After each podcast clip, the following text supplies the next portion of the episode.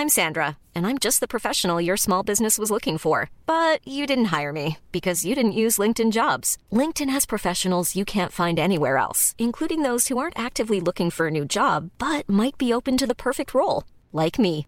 In a given month, over 70% of LinkedIn users don't visit other leading job sites. So if you're not looking on LinkedIn, you'll miss out on great candidates like Sandra. Start hiring professionals like a professional. Post your free job on linkedin.com/people today. When you're ready to pop the question, the last thing you want to do is second guess the ring. At Bluenile.com, you can design a one of a kind ring with the ease and convenience of shopping online. Choose your diamond and setting. When you find the one, you'll get it delivered right to your door. Go to Bluenile.com and use promo code LISTEN to get $50 off your purchase of $500 or more. That's code LISTEN at Bluenile.com for $50 off your purchase. Bluenile.com code LISTEN. Mom deserves the best, and there's no better place to shop for Mother's Day than Whole Foods Market. They're your destination for unbeatable savings, from premium gifts to show-stopping flowers and irresistible desserts. Start by saving 33% with Prime on all body care and candles. Then get a 15-stem bunch of tulips for just $9.99 each with Prime. Round out Mom's menu with festive rosé, irresistible berry chantilly cake, and more special treats. Come celebrate Mother's Day at Whole Foods Market.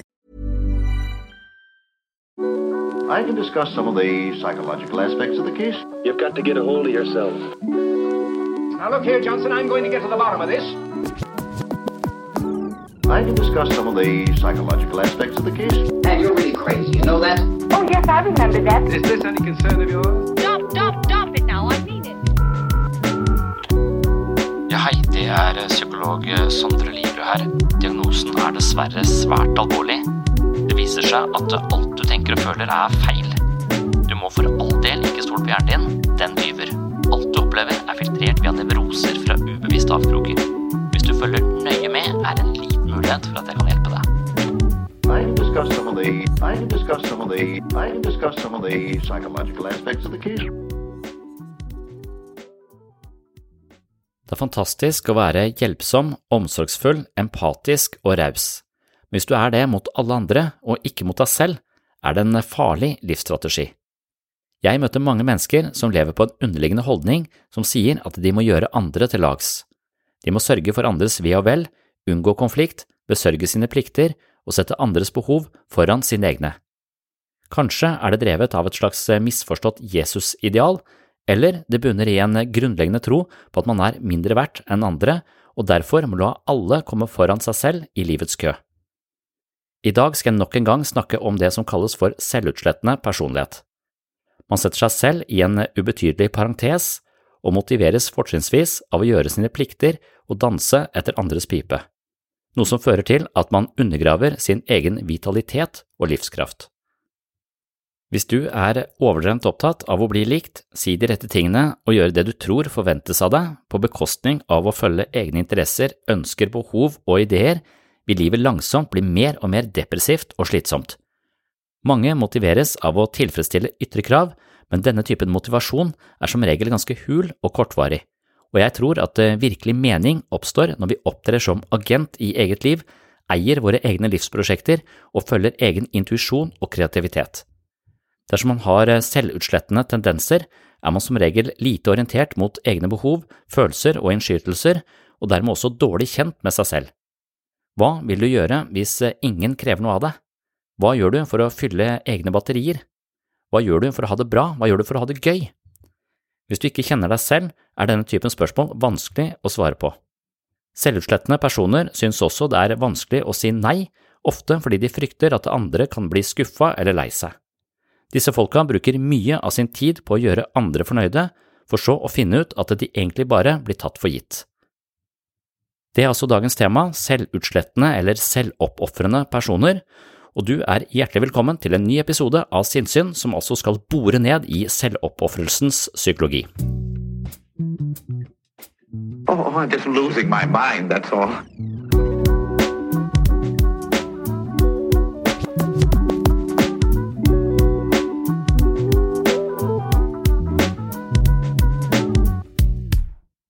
Så da er vi tilbake på temaet vi har hatt mange ganger før, selvutslettende personlighet. Og det er ganske Det henger litt sammen med det temaet vi hadde forrige gang, om eh, et sånn strengt superego. Sånn eh, indre kritiker som hele tiden driver og slår deg i hodet for alt du måtte mene, ikke mene, si eller ikke si i ulike situasjoner. Så en sånn bremsekloss da på livskvalitet. Men selvutslettende personligheten så har du vel opplevd på et eller annet tidspunkt at det å hevde seg selv, eller være ivrig interessert og kanskje eller sint og ja, sette grenser osv., det blir møtt med enten avvisning eller straff, eller eh, at du på en eller annen måte føler at du mister kontakten med de rundt deg. Og hvis du er barn, så er du nødt til å ha en kontakt med foreldrene dine. Og hvis de reagerer med avvisning eller eh, kjeft når du hevder deg selv, så vil du kanskje få en eh, fornemmelse at det er ikke en eh, strategi som er tillatt for meg, så jeg må heller bare prøve å føye meg så langt det lar seg gjøre. Eller man kan kanskje ha vokst opp med deprimerte foreldre, f.eks. For og hvis man da lager for mye støy eller eh, noe sånt, og så kan man kanskje merke at foreldrene blir enda mer lei seg, enda mer slitne osv. Så, videre. så bare det å føle at man er en belastning for andre, da, eller kanskje pga. meg så er mine foreldre slitne. Derfor så, så, kan det være at man legger et slags sånn lokk på sin eget initiativ og sin egen livskraft, og blir mer opptatt av å tilfredsstille de behovene pass bare flink nok så mamma ikke begynner å gråte. Eller eh, så man begynner å monitorere utover. Hva er det andre vil ha? Hva er det andre trenger? Og hvordan kan jeg tilfredsstille det, sånn at jeg ikke blir avvist og latt alene for alltid, på en måte, som er den underliggende frykten av ensomheten, kanskje. Det fører jo da til et fokus hvor man er veldig fokusert på ting som ligger utenfor. Og så kan man tenke seg at det å, det å bli menneske, det handler om å forstå å kjenne sine egne følelser og bli kjent med seg selv og vite hva man selv trenger, hva man selv liker, hva man ikke liker. Og Det krever at vi liksom har et slags blikk for uh, våre egne opplevelser og våre egne følelser. Men hvis blikket hele tiden er utover på å tilfredsstille andre, så kan det være at vi glemmer å se innover i så stor grad at vi til slutt mister oss selv. Det kan være en følelse her å miste seg selv. For jeg har ikke kjent dette på hva jeg egentlig liker. Så jeg er eh, veldig lite kjent med meg selv. Så det er noe som noen mennesker som jeg møter, jeg føler at de, de kjenner andre mennesker bedre enn seg selv. Altså Den eneste personen, altså den personen de har levd med hele livet, altså den kroppen de har, den personen de er, den vet de ingenting om. Hva slags sko liker du å i? Aner ikke. Altså, men, eh, men, moren min hun liker fotformsko. Altså, det, du, du, vet masse om andre, men du aner ikke noe om, om deg selv. Og, og dermed så, så, ja, du kan få en følelse av å miste deg selv, og du har ingen egentlig egenomsorg. Da, for du vet jo ikke du selv, hvordan du selv hviler osv. Så, så følelsen vår er et kompass, det er et signal som skal fortelle oss noe om hvordan vi lever. Sinne er en selvhevdende følelse. Den skal dukke opp hvis noen tråkker over dine grenser eller sniker i køen. Hvis du ikke har eh, disse følelsene tilgjengelig, så mangler du også livskompass. Så det eneste kompasset du har å gå etter da, er hva vil andre at jeg skal gjøre? Og Det er en utrolig passiv måte å forholde seg til, til livet på du, du, blir en soldat da, i ditt eget liv. Du blir en soldat der som typisk skal bare utføre ordre. Ikke tenke selv, bare utføre ordre. Uh, og det er noen som velger det som yrke, jeg vet ikke helt hvorfor. Men, men det liksom, hvis det blir livet ditt, å være soldat og bare utføre andres ordre, så tror jeg meningsløsheten ligger rett bak neste sving. Hvis ikke du blir deprimert av å bare tilfredsstille andre eller utenforliggende krav, og aldri bruke egen din egen kreativitet eller ditt eget initiativ, din egen nysgjerrighet, alt det som kommer innenfra og ut. Denne livskraften som er mer proaktiv, hvis den aldri blir stimulert, mens det kun handler om å sjekke av på at alle andre utenfor er fornøyd, så, så tror jeg at livet vil uh, oppleves dypt og inderlig meningsløst. Det er jo litt som å oppføre seg som en som en robot. da. Altså Hvis ikke du trykker på den knappen, så gjør jeg det. Hvis du ber meg om det, så gjør jeg det. Hvis du ber meg om det, så gjør jeg det. Altså, jeg tenker ingenting, Men hvis ingen ber meg om noe, så vet jeg ikke hva jeg skal gjøre, for jeg vet ikke hva jeg liker. For roboter liker ingenting. Altså, de har ikke noe, Så vidt vi vet, da. Det kan være de kommer og blir så overgitt så at det plutselig oppstår en slags subjektivitet. Og, så, så jeg, jeg syns det virker som Det er helt helt åpenbart at det å ha en sånn selvoppofrende strategi hvor man har lært at det egne behov er uvesentlige, mens alle andres behov er veldig vesentlige, den mentaliteten, som her kalles en negativ leveregel, det er veien inn i både angst og eh, depresjon. Det, du, du, kan ikke unngå det, sånn jeg ser det. Det kan finnes en eller annen et eller annet tilfelle innimellom som ikke trenger å bruke seg selv på noe som helst måte, men kun kan utføre ordre, men det, det tror jeg tilhører sjeldenhetene. Så, så, det er en av De sier jo også, vi snakket om det eh, tidligere også, at det, når du snakker om å leve et godt liv, da, så, så viste det at det, det, er ganske mye mer depresjon i byer enn på landet, f.eks. Og en av de faktorene kan handle om denne aktive eller passive motivasjonen. For hvis du vokser opp i en i en by så, så, har du ofte veldig masse tilbud rundt deg. Du har masse teater og kino og sånn stor koldtbord av kulturelle aktiviteter du kan eh, ta for deg av. Men hvis du bare konsumerer eh, andres teaterstykker, så blir du mett på et eller annet tidspunkt. Mens på bygda så er det ikke så mye teaterstykker å, å gå på, så hvis det skal være noe teater der, så må du lage det sjøl. Og det å lage et eget teaterstykke, for så å være drivkraften bak det kulturelle tilbudet i bygda, det er sannsynligvis mye mer meningsskapende enn å bare gå og se teater hele tiden. Det er viktig å se teater, det er en stor verdi det også, men vi blir på et eller annet tidspunkt mette. Vi kan ikke bare spise ting eller gjøre ting som kommer utenfra. Vi er nødt til å bruke vår egen, vår egen drivkraft. Da. Og dermed så tenker man kanskje at det er én av tusen faktorer som kan gjøre regnskap på denne forskjellen i depresjon på bygd og by. Man må kanskje være mer delaktig selv. Man blir en viktig brikke i noe. Det kommer ikke bare til en uh, utenfra. Så det var et av disse poengene. Å miste seg selv var et poeng. Uh, det er også gjort et poeng ut at man kan oppleve som kjedelig. Så du, så Ideen hos en selvoppofrende person er at jeg må unngå konflikt, jeg må sørge for at den andre har det bra, og jeg gjør alt for at den andre skal ha det bra. Og Noen tenker at det også innebærer å være enig med den andre, eller tenke at den, den andre altså eh, hele tiden mene det samme, eller mene det den tror at den andre vil at den skal mene. Og da vil man fort få en opplevelse av å bli jatta med. Så at eh, jeg tror du bare sier det du, det du tenker at jeg vil høre. Og det gjør at jeg ikke vet hvem du er. Det opplever jeg av og til i terapi til og med, at folk eh, kommer hit, og det eneste jeg tror de er opptatt av, er å si noe som jeg ville vil likt å høre. Som får meg til å føle meg som en god terapeut. Eller at jeg kommer til å like de fordi de sier det. Men så merker du på en eller annen i magen Du kan ikke ta det på det, for det de sier kan være helt adekvat. Men du merker bare at dette her er sagt i et slags sånn uh, spill for at det, jeg skal like deg, eller, uh, eller du skal tilfredsstille mitt ego. Det er ikke ekte. Det er en slags uh, relasjon som er bygd på noe annet. Så, én en ting er at det føles da litt sånn uekte, føles litt falskt. Samtidig som mennesker som bare er enig med deg, det er jo også litt kjedelig. Eller sånn Hvis du ikke møter noen motstand, ikke de tør å si imot, eh, det, det kan bli, bli, litt eh, kjedelig. Samtidig, det er liksom ikke noe, noe brodd i det. Samtidig så blir det veldig vanskelig å forholde seg til det, så det skaper jo ekstremt mye mellommenneskelig usikkerhet. Så hvis ikke man hevder egne behov, setter opp gjerdet 'her bor jeg', ikke gå innafor der før du har ringt på. Eh, hvis ikke du setter opp de grensene, fordi du tror at det å sette grenser det vil skremme andre vekk eller gjøre at de forlater deg. Så, så, så, vil du være sammen med mennesker som sannsynligvis har noen grenser, som de ikke vet hvor er hen. og Sjansen for at du tråkker over de stadig vekk, er ganske stor. Og da er det du som er en inntrenger på dette mennesket, for dette mennesket ikke setter noen grenser. Så det, da begynner man å bli sånn forsiktig. Hvor går egentlig disse grensene? Det er ingen grenser her. Oi, hvor kan jeg gå hen? Hvor kan jeg ikke gå hen? Så det blir veldig skjørt og vanskelig å være sammen med en selvutslettende øh, person hvis du er en innbruddstyv, en psykologisk innbruddstyv, så gir du bare faen. Og da kan du uh, totalt eie dette mennesket og bare gå over de grensene akkurat når du vil og få denne personen til å gjøre akkurat hva du ønsker når som helst. Du har fått deg en egen slave, og det er noen som liker det òg.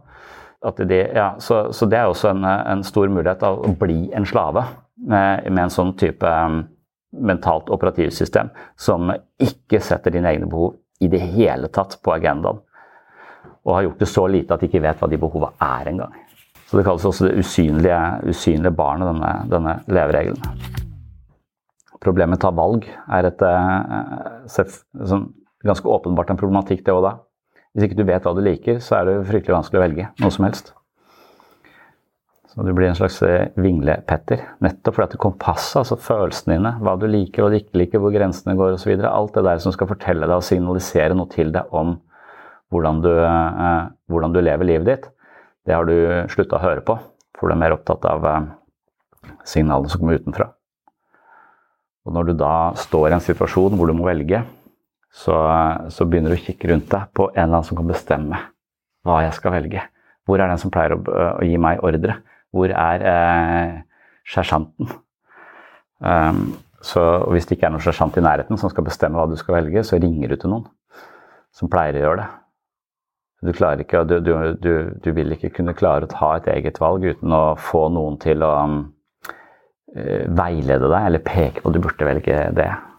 Sånn, uh, det er en sånn ting, Hvis man er veldig selvutslettende, så må man trene på å ta egne valg.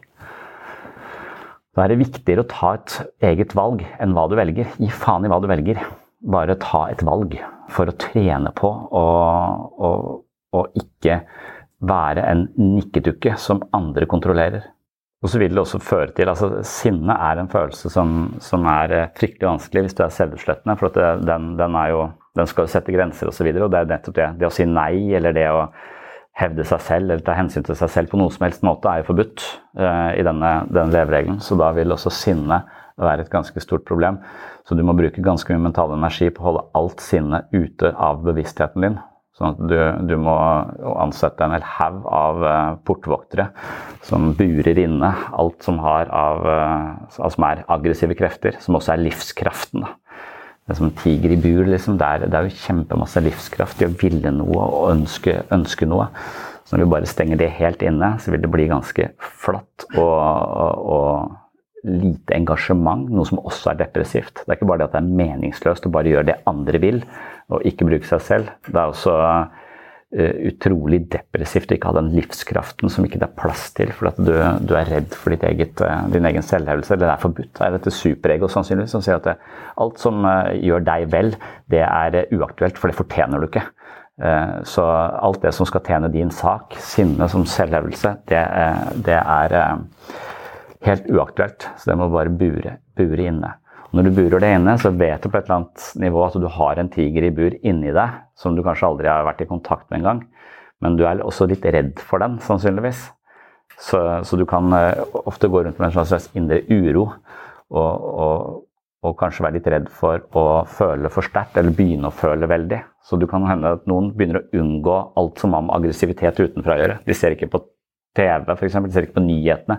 De vil ikke ha noe som minner om aggresjon, for de er redd for at det skal vekke tigeren i dem selv. Så de skal dukke opp her. Så han vil veldig ofte prøve å unngå alt mulig, mulig sånt noe. Undertrykt sinne det skaper den typen angst som er jeg er redd for å klikke. Jeg, jeg, er redd for at jeg skal bli så irritert og overveldet av denne følelsen, så det er best å bare liste seg rundt i livet og sørge for at den ikke, ikke er der. Og hver gang du da også er sammen med andre, så vil du jo for enhver pris unngå konflikt. Så blir du ekstremt konfliktsky også. Så du, dermed så vil du si nesten hva som helst bare for å sørge for at denne, denne relasjonen er i en viss, eh, viss grad av balanse. Jeg ikke si noen ting i det hele tatt, jeg. Ja. Men da, jeg, altså, for, for tenke, Det er greit nok da man, eh, man, eh, man kanskje har en sånn selvutslettende mm, tendens, og man er redd for sitt eget følelsesliv. Ergo så mangler man et livskompass, så man har egentlig ikke noe mulighet. Det er liksom å gå rundt i livet i blinde. Du vet ikke hva som fører, fører deg til et godt sted. Så, så lenge du ikke skrur på det kompasset i en eller annen forstand, da, så vil du jo fortsatt være i denne meningsløse tilværelsen som i beste fall finner en eller annen motivasjon å tilfredsstille noen andres behov eller noen andre krav. Om det er Nav, eller om det er en kjæreste, eller om hvem faen det er du skal tilfredsstille, eh, så, så vil, det, vil, det, føles eh, trolig ganske flatt og meningsløst. Så hvis du ikke skrur på det kompasset eh, og tenker at aggresjon f.eks. er en negativ følelse, den vil jeg ikke ha. Det er en holdning til aggresjon som er ganske feil. Altså, jeg tror veldig mange av følelsene våre har et fryktelig dårlig rykte. Som om vi tenker at det er best å ikke ha de. Altså, det er kun følelser som binder oss til livet på en meningsfull måte. Hvis vi ikke føler noe for noe, så er det ikke noe vits i. Jeg møter mange mennesker som, uh, som, ikke føler noe for noe. Uh, og de skjønner ikke hvorfor de skal leve. Og det skjønner faen ikke jeg heller, egentlig. For det er ikke noe vits i å leve hvis ikke du føler noe for noe. Altså, det er det samme som å være død i livet. Da, da, er, du jo, uh, da er du så godt som død, da. Eh, bare at du er nødt til å leve mens du er død. Eh, det er nesten, da, hvis du er ordentlig, du kan i hvert fall ligge helt stille, tenker jeg. Så, så det å finne en eller annen forbindelse til, eh, til, livet, føle noe for noe så Dermed så vil jeg tenke at hvis du da blir litt fyrt av en debatt mellom politikere, så kan det være en ganske sånn kontrollert måte å komme i kontakt med, i hvert fall vekke denne følelsen på sett og vis. Der er den. Kan jeg se om jeg kan forstå den, kan jeg bli kjent med den, kan jeg eie den, sånn at den kan peke, og kanskje den kan brukes på mine egne vegne på et senere tidspunkt, hvor jeg kan sette grenser. altså der Sinne og frustrasjon er den samme leiren som grensesetting. For det er når noen trår over Nei, det der finner jeg meg ikke i. Det handler om en slags statusorientering også. Jævlig urettferdig når de sier det. Så, så det er noe, noe, livskraftig. Og at egentlig ikke bør unngå det, men bør oppsøke det. When you're ready to pop the question, the last thing you want to do is second guess the ring. At BlueNile.com you can design a one-of-a-kind ring with the ease and convenience of shopping online. Choose your diamond and setting. When you find the one, you'll get it delivered right to your door. Go to Bluenile.com and use promo code LISTEN to get $50 off your purchase of $500 or more. That's code LISTEN at Bluenile.com for $50 off your purchase. Bluenile.com code LISTEN. Hiring for your small business? If you're not looking for professionals on LinkedIn, you're looking in the wrong place. That's like looking for your car keys in a fish tank.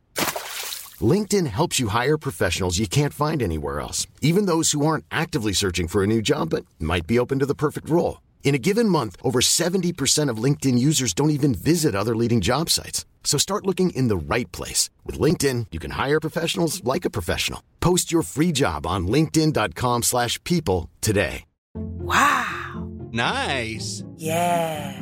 What you're hearing are the sounds of people everywhere putting on Bombas socks, underwear, and t-shirts made from absurdly soft materials that feel like plush clouds. Yeah, that plush. And the best part? For every item you purchase, Bombas donates another to someone facing homelessness. Bombas. Big comfort for everyone. Go to bombas.com slash ACAST and use code ACAST for 20% off your first purchase. That's bombas.com slash ACAST. Code ACAST. Unter ausgerechnet Himmler! Das ist der schlimmste Verrat von allen! Der war korrupt, immer schon. Speer, ja, ein wildfremder, unberechenbarer Künstler. All die anderen, ja, ja, ja, ja, ja! Men det er ikke sikkert at det, det hjelper. For jeg, jeg, jeg, mener at det er veldig mange mennesker som også driver denne, uh, dette som vi snakket om sist, å ha, være psykopat mot seg selv, men være eh, være omsorgsfull og snill mot andre.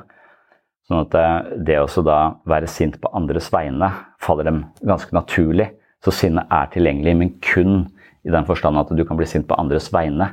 Men du kan ikke, pga. ditt eget eh, selvhat som er inkarnert i superegoet ditt, så kan du ikke bruke denne samme selvhevdelsen og, og rettferdighetssansen overfor deg selv og, og ditt eget eh, din egen person. Det kan kun outsources til andre, så du er flink til å være sint på andres vegne. Du kan være en aktivist, liksom, men du kan like være totalt selvutslettet når det kommer til deg sjøl.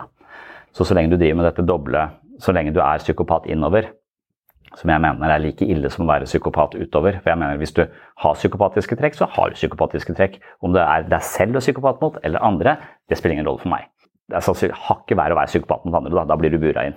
Eh, du slipper unna med å være psykopat mot deg selv, men, eh, men du fungerer ikke spesielt, eh, spesielt godt. Så jeg, jeg synes at det, ja, så, så det å kultivere dette sinnet og klare å bruke det Det er ikke sikkert det er veien å gå, det heller, så lenge du bare gjør det som en sånn vikarierende for noen andre. Så, så du, må, du, må, da sette, prøve å sette grenser for deg selv. Da. Si ifra. Og, og det syns jeg også er litt sånn tricky. Altså, sette grenser, og da må jeg si nei. Altså, og, og, det er ofte mellommenneskelig weird å si nei, syns jeg. Eh, så jeg lurer på hva dette er. Jeg mener at jeg er i norgestoppen på å sette grenser. Eh, jeg er en av de ledende eh, personene i landet på å være grensesettende. Og jeg slipper veldig ofte å si nei. Jeg sier nesten aldri nei. Så det er et eller annet jeg utstråler som gjør at jeg har noen veldig tydelige grenser. Som gjør at folk ikke kommer innover gjerdet mitt. med jeg har ringt på flere ganger og fått tillatelse eller søkt i tre eksemplarer for å, for, for å komme inn. Så, så jeg, for meg så er dette en naturlig del av det å være, men jeg vet ikke hva jeg gjør. For det er såpass proff på det at, at jeg ikke kan bryte det ned til sine bestanddeler og fortelle hva det er som blir gjort når jeg setter når jeg setter grenser. Men jeg kommer aldri i den situasjonen som de som skal trene på å sette grenser, er i sånn derre Blir du med å, å hjelpe meg å flytte til helgen? Nei. Og så bare står sånn og rister. Og så, altså jeg, kommer ikke, jeg kommer ikke i de rare mellommenneskelige situasjonene. For jeg lurer på det å sette grenser alltid i møte med en annen ikke er veien å gå. At du må på en måte finne en måte å sette opp gjerde for deg på. Uten at det er at, uh, i opposisjon til et annet menneske, for da tror jeg det blir sånn weird. Men jeg vet ikke helt hva det dreier seg om. Hvordan det er å bli en, en person med et gjerde rundt huset sitt, en tydelig grense. Så det er folk på området hvor du skal bygge gjerdet, Så driver og svirrer rundt? ja. ok. Så du risikerer å sperre de inne bak gjerdet, liksom? Nei, spør kona mi. Nei, jeg blir aldri spurt om hjelp å, å, å flytte. Det gjør jeg ikke. Men det er kanskje fordi jeg ikke har så mange venner. Nei. Det kan ha noe med det å gjøre. Men jeg, jeg tror det er mer sånn øh, Kanskje sånn privat så opplever jeg ikke at det er så stort øh, Jo, det, det er sånne små ting som Kan du være dommer? Den får jeg nesten ukentlig. Kan du være dommer i fotballkamper? Og så har jeg den hjerneskaden som gjør at jeg ikke vet hvilken vei jeg skal peke når ballen går ut. Så, så da føler jeg dritmye. Så det må jeg klare å finte meg unna hele tiden. Da, da, er jeg åpen om det. Nei, jeg har en hjerneskade. Jeg er trener for to lag. Jeg bistår mye i fotball her, men akkurat det å være dommer det får jeg ikke til, for jeg vet ikke hvilken vei jeg skal peke når ballen går ut. Men det kan jeg forklare deg. Folk har forklart meg det i 42 år. Jeg kan fortsatt ikke forstå det. Derfor kan ikke jeg være eh, fotball, fotballdommer. Så sånn må jeg sette, sette grenser. Men jeg mener sånn i jobbsammenheng og sånn også. Altså Hvis ikke jeg sørger for å ha rom til å puste, så blir jeg jo kvært. Og det er så mange folk i dette systemet som blir kvært hver eneste dag, og som går ut med sykemeldinger, og som, og som ikke, ikke Jeg føler ikke at jeg gjør så veldig aktiv innsats for å sette disse grensene, eller jeg bare føler at jeg har noen grenser som de mangler. Eh, og når man ser det også kanskje hos eh, kona mi, hun er veldig sånn utrolig romslig og snill og, og gjør mye godt for mange. Men på et eller annet tidspunkt så mener jeg også at hun er dårlig på å sette grenser på jobb. Hun jobber med barn, og de trenger jo henne, og det er viktig osv. Men hun kommer også seinere hjem hver dag.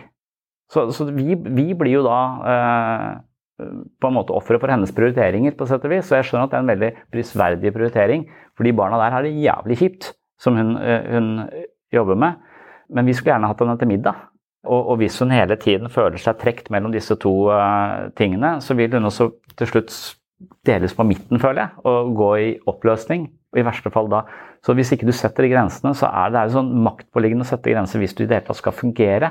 Det er et moralsk imperativ å sette grenser for seg selv, for hvis ikke så blir det utbrent, og da går det tre måneder før noen får noe som helst utbytte av det.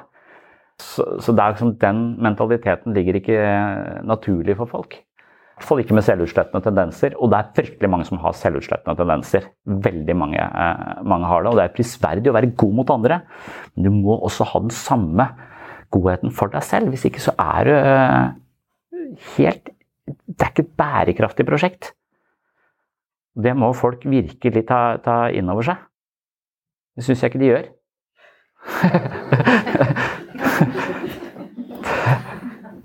Men det er, det er, ikke sikkert det alltid er i opposisjon til noen andre. Det er, ikke, det er ikke dermed sagt at det er et annet menneske som hele tiden er eh, Ja, eller eh, Det er et eller annet diffust Det er akkurat som at hvis du Du bor et sted, og du bør ha et gjerde eh, som markerer din tomt, eller ditt Eller vegger, da. Sånn at det ikke bare kommer og går folk som du ikke har noe kontroll på. Så det er et eller annet med den litt diffuse grensesettinger som ikke nødvendigvis bare er å si nei eller være Men, men ja, altså, tror du det korrelerer bare direkte med selvfølelse eller grad av narsissisme, litt avhengig, sånn at eh, noen bare bare eh, altså utstråler det. Da. Litt sånn som en kunstkjenner. da, kan liksom, Eller som en kunstkjenner som, som bare så et sånn skulptur og sa alle hadde ment at den var ekte, og noen av det siste de hadde funnet av denne, var bare to av de i hele verden, og så hadde de funnet den andre i Egypt, og så bla, bla, bla. Og så sier han eh, med en gang kommer inn i rommet, sier den er fake. Og så, nei, nei, vi har hatt masse eksperter inne, men han som virkelig kan og være ekspert på dette feltet, han kunne bare kaste et blikk på den og vite at den var fake. Og hva er det han egentlig Det er en slags eh, fornemmelse, intuisjon, det er noe som ligger i denne personen, denne kunstkjenneren. Og det er vel noen mennesker som også har denne grensene i seg, som de bare utstråler og oser. Altså det, du skjønner at du, du, spør ikke han om å hjelpe deg å flytte. Elise. Du kan jo gjøre det, men for det er jo, det er jo for meg mye tryggere og altså, Mine foreldre er også veldig grensesettende, og det er jeg så glad for. Fordi at jeg kan spørre dem om hva som helst, og jeg vet at de kan si nei. Eh, så dermed så er det lett for meg å si kan dere komme til helgen og passe barna? Nei, det passer ikke. Eller eh, nei, det, det kom litt for, på for kort varsel. De kan si det. Og da vet jeg at da trenger ikke jeg å liste og lure og ordne og styre. Sånn. Jeg kan spørre direkte, for jeg vet at jeg får et ærlig svar. Jeg vet at jeg blir ikke årsaken til deres på en måte overlast eh, ved, ved mitt spørsmål. Derfor så, så, er det så trygt for meg at de, jeg vet de kan si nei. Og, og, så, så er det kanskje noe som man men, men, når man da sier nei, så, så, lurer jeg på eller, eller, når man går i konflikt, da, så, så, så, er det som personlig så har jeg to, det er to ting. Først må du vurdere mottakeren. Hvis det er en så er jeg redd for at vedkommende kan bli skuffa, er redd for at vedkommende blir sint. Kan jeg forvente et angrep? Blir dette en diskusjon? Hva, hva må jeg forholde meg til på utsiden?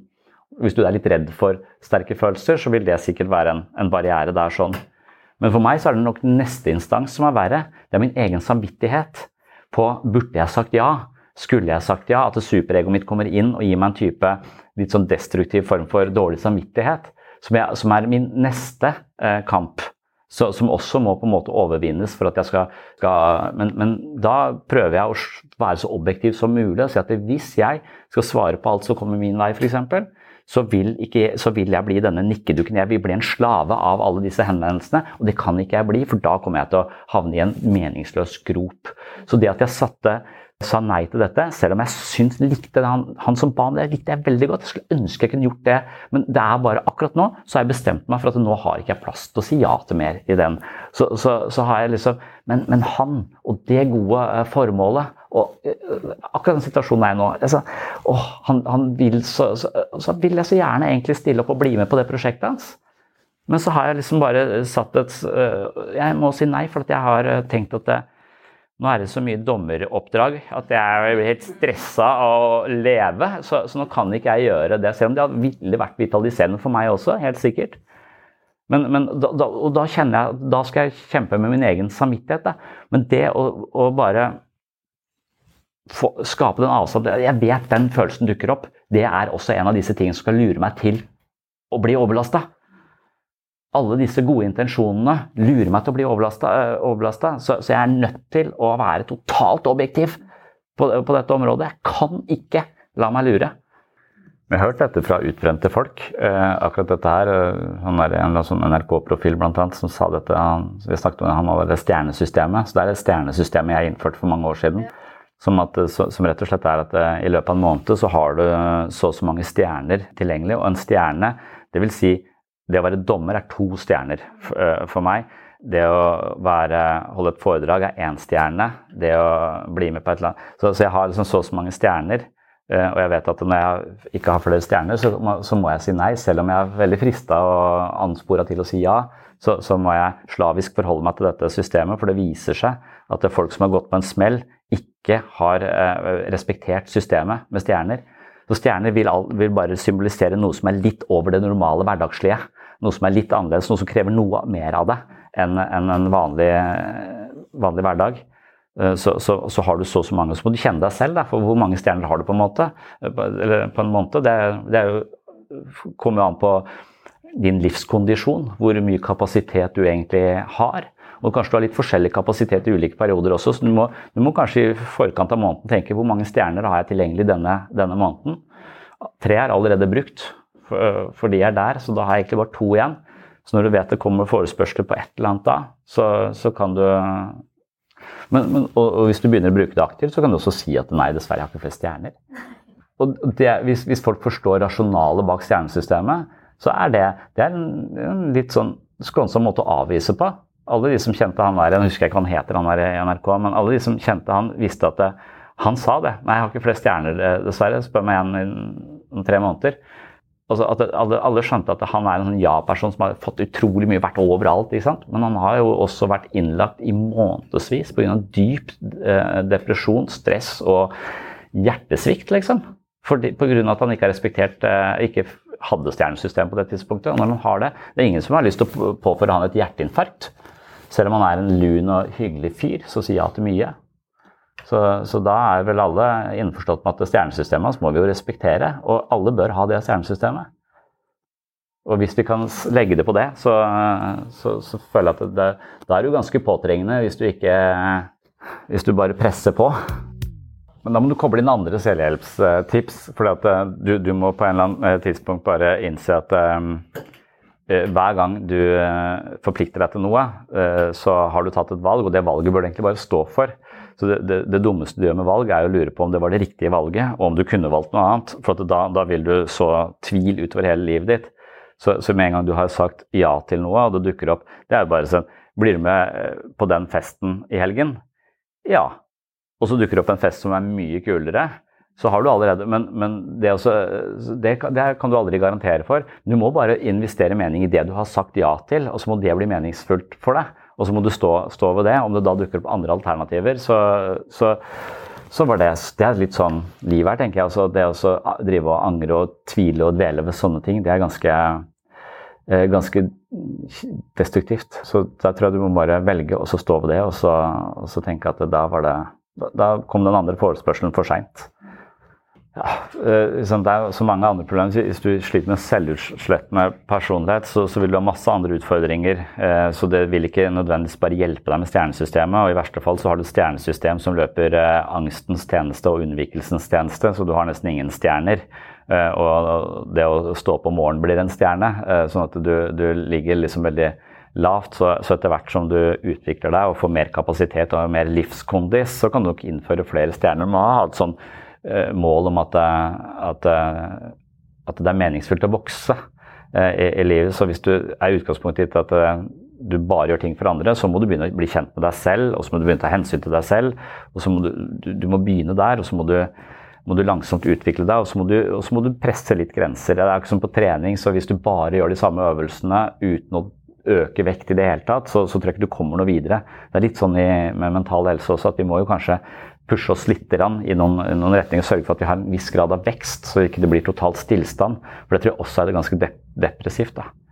Men, men den, den, meningen kommer nok innenfra. altså den meningen, Du må etablere en eller annen form for uh, å investere mening i noe som er mitt, og ikke noe jeg bare gjør for å få andres påskjønnelse. eller at det er sånn ego og underskudd som hele tiden trenger Du Gjør noe for at du skal få bli likt, eller hver gang det er motivasjonen, så, så tror jeg den er litt sånn jeg tror det er motiverende å gjøre mye for å bli likt. og Mye av det vi driver med, handler om det. Det er jo ganske motiverende, Men hvis det er eneste livsspillet du spiller, så, så tror jeg ikke du eh, kommer til å leve optimalt. Eller eh, oppleve noe særlig sånn stor dybde og glede ved, ved livet. Altså på, på, et eller annet tidspunkt, altså det, det finnes sikkert selvutslettende mennesker som er bare genuint opptatt av å gjøre andre til lags, og gir fullstendig blanke i seg sjøl. Men så er det nok andre som er litt mindre ramma av det, men som likevel har den samme strategien, men som nettopp bruker denne selvutslettelsen også som et passivt aggressivt angrep på andre.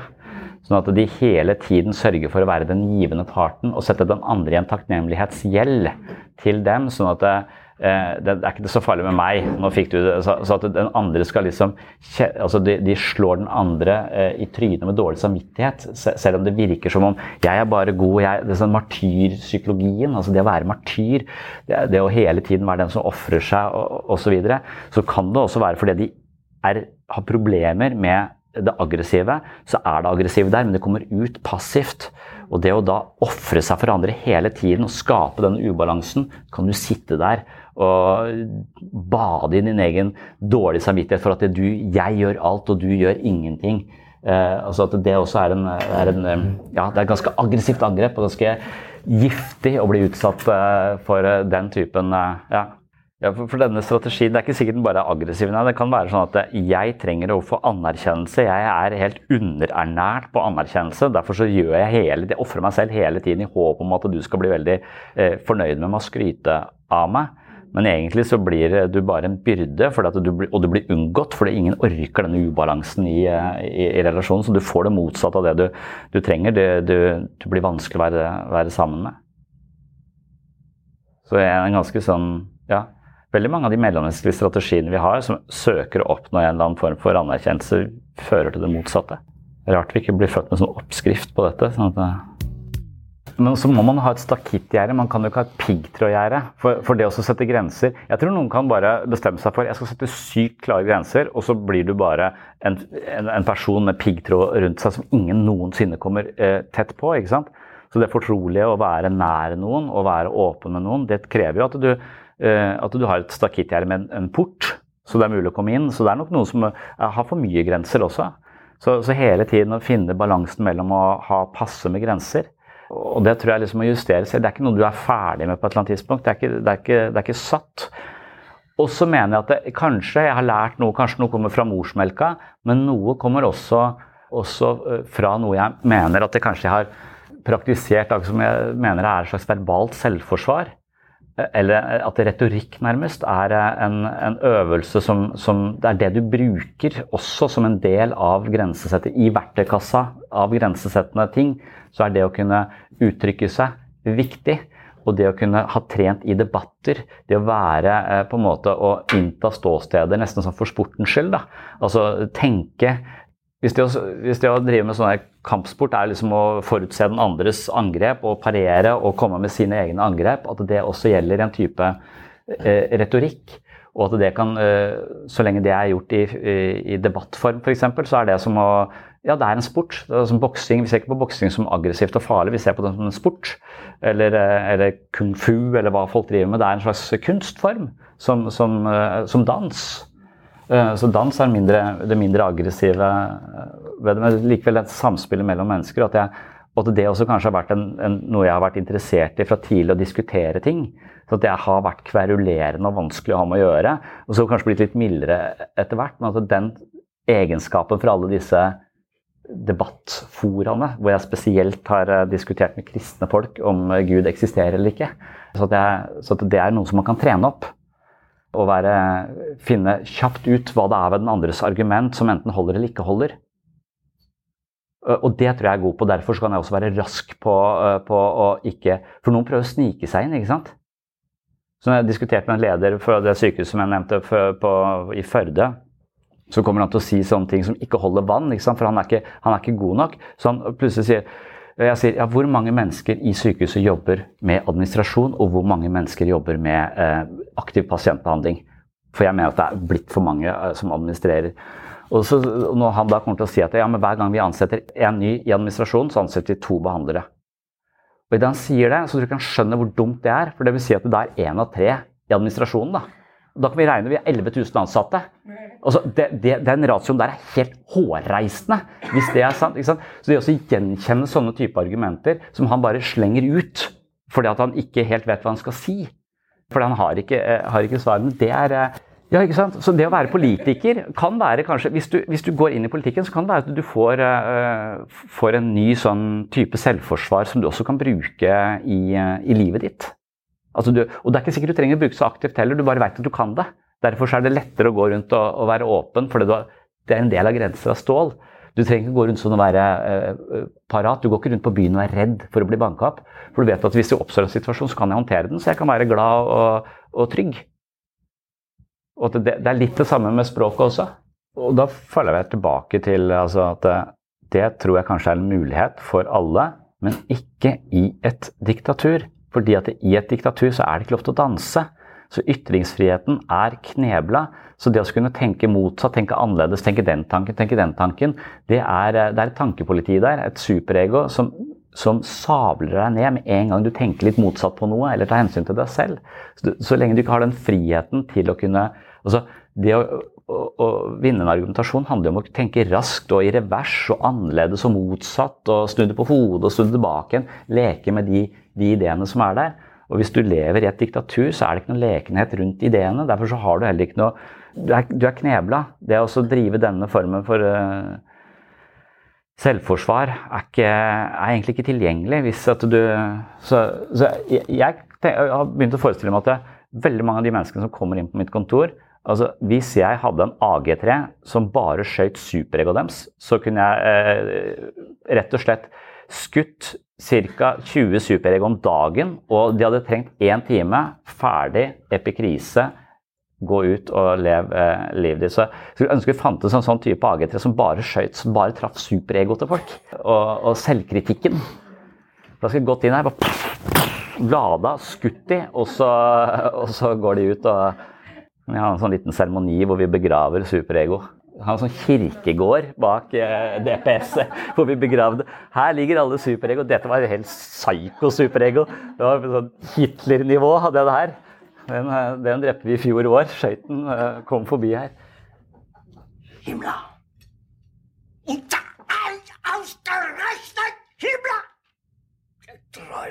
Treuen.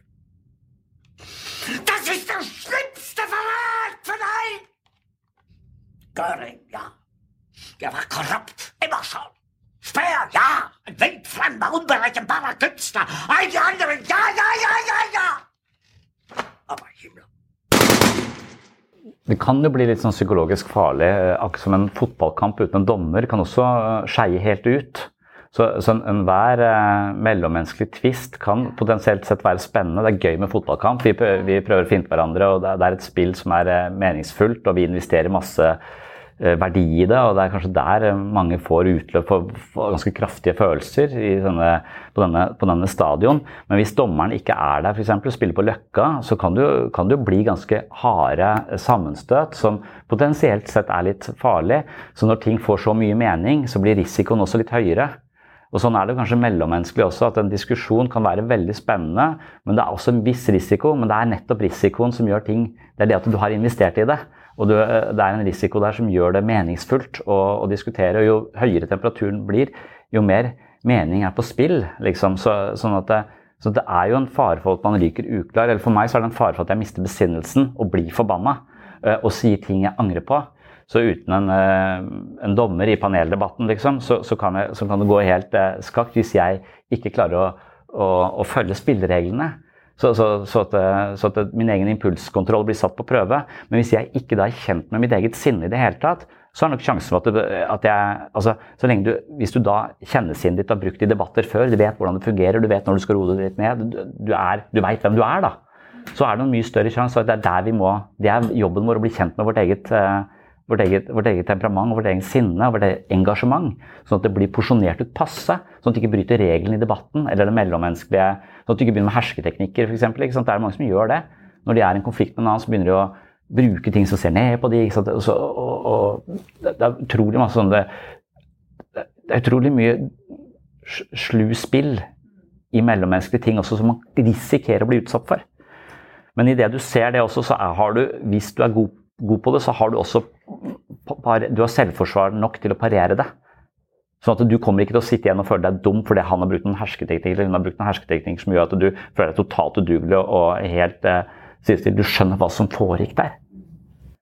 For Hvis du ikke liksom har en hund i noen kamper, så er det liksom ikke noe vits i å leve. Det er liksom Jeg, jeg skulle like å se de som sto på enarma banditter hvis det ikke kosta penger, og det du vant, var eh, eh, pappstjerner. Altså, du hadde ikke stått der i timevis og dratt på den greia hvis ikke var investert på en eller annen måte. og Det, det var noe eh, Det var et eller annet eh, Så gøy er det ikke å dra i den der eh, se om det kommer tre like, like på rad. Det er jo for at du, du, du har en høy risiko. Du kan tape noe, men du kan også vinne noe. Det, det gjør liksom livet, livet verdt å leve. Så hvis vi ikke ønsker å ha noen som helst risiko, så er prisen vi betaler meningsløshet, sannsynligvis. Den er, ja. For med disse levereglene så er det også noe som gjentar seg i nye relasjoner hele tiden. Og, og akkurat det med å velge så, så når du møter for eksempel mennesker her, og jeg presenterer hva dette er, hva dette er, hva dette er, og så, og så er det liksom opp til deg å, å, å velge. Og hvis du møter et menneske som kun svarer 'vet ikke, vet ikke, vet ikke', eller legger det opp til meg å velge for vedkommende, så oppfører vedkommende seg som om de er en, en biologisk klump uten noen retning eller intensjon eller, eh, eller vilje. Så så lenge du ikke har noen vilje i en eller annen retning, så, så blir det bare til meg å plassere deg i en eller annen retning, og du oppfører deg som en ting. For en ting har ikke en vilje, har ikke noen retning. Men, men, og, og, og da blir det så godt for meg hvis en person har en Jeg kunne kanskje tenke meg det. Ah, en retning! Kult! Da, da er vi liksom eh, vi, vi, vi har en retning. Og og da slipper jeg å være og behandle deg som en ting som jeg plasserer der, eller bare plasserer ut av systemet. Jeg kan plassere deg hvor som helst. Jeg kan sette deg på hvilken som helst hylle, for du har ikke sagt noe om hvilken hylle du, du ønsker å, å, å, være på. Og jeg lurer på, hvis du oppfører deg som en ting, så tror jeg folk sånn generelt sett har mindre omsorg for ting enn andre mennesker.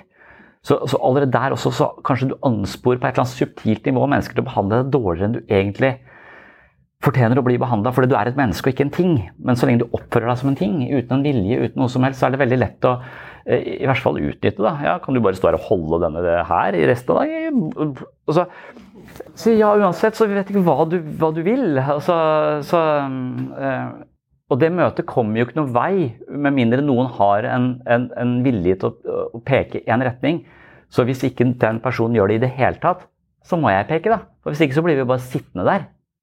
Eh, altså, eller så avslutter vi uten å komme til noe som helst. Det må være en retning.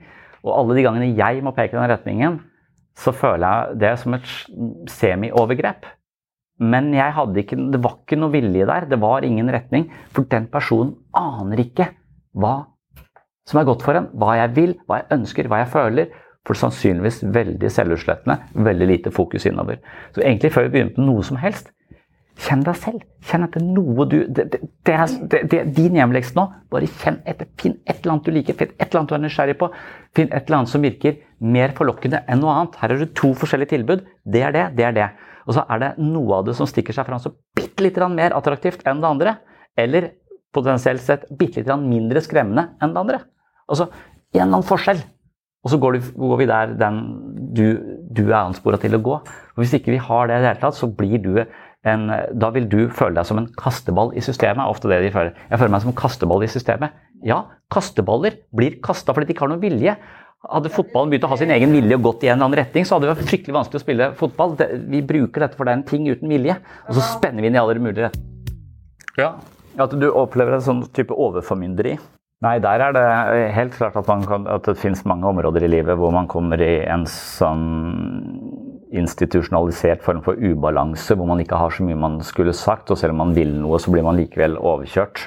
Så det, det, det er nok eh, en realitet på en del områder i livet, særlig på institusjoner, enten det er Nav, eller om det er et DPS, eller om det er et sykehus, eller, eller, eller hva det er så, så kan nok kanskje herske en idé om at eh, de som jobber der, vet best om hva den Eller, eller de har en protokoll som sier at du er eh, så så høy og veier så så mye, så du skal ha det sånn. så det er også eh, I can discuss some of the psychological aspects of the case. You've got to get a hold of yourself.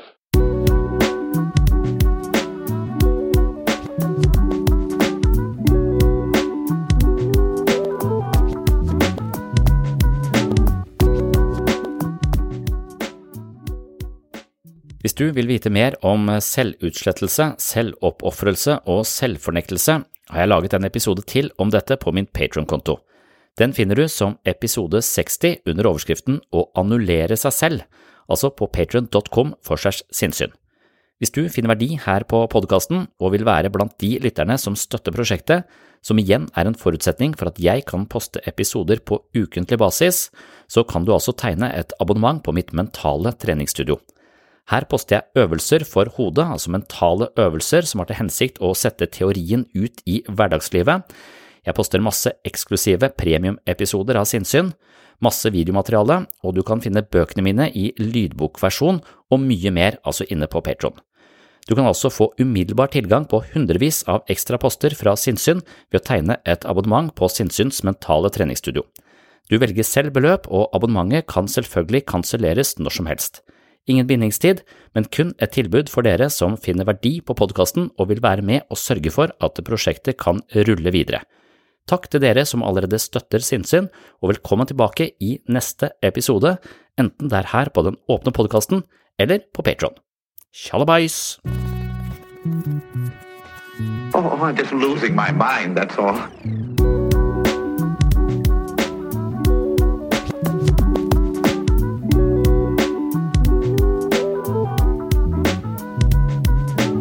I can discuss some of the I can discuss some of the I can discuss some of the psychological aspects of the case. Psycho, psycho, psychological aspects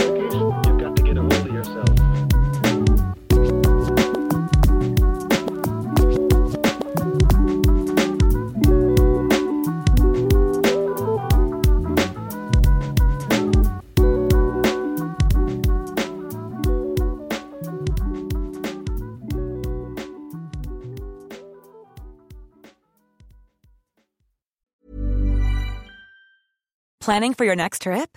Elevate your travel style with Quince. Quince has all the jet setting essentials you'll want for your next getaway, like European linen, premium luggage options, buttery soft Italian leather bags, and so much more. And is all priced at 50 to 80% less than similar brands. Plus, Quince only works with factories that use safe and ethical manufacturing practices. Pack your bags with high-quality essentials you'll be wearing for vacations to come with Quince. Go to quince.com slash pack for free shipping and 365-day returns. Normally, being a little extra might be a bit much, but not when it comes to healthcare. That's why United Healthcare's Health Protector Guard fixed indemnity insurance plans, underwritten by Golden Rule Insurance Company, supplement your primary plan so you manage out-of-pocket costs. Learn more at uh1.com. Hey, it's Paige DeSorbo from Giggly Squad. High quality fashion without the price tag. Say hello to Quince. I'm snagging high-end essentials like cozy cashmere sweaters, sleek leather jackets, fine jewelry, and so much more. With Quince being 50 to 80% less than similar brands. And they partner with factories that prioritize safe, ethical, and responsible manufacturing. I love that. Luxury quality within reach. Go to quince.com slash style to get free shipping and 365 day returns on your next order. Quince.com slash style.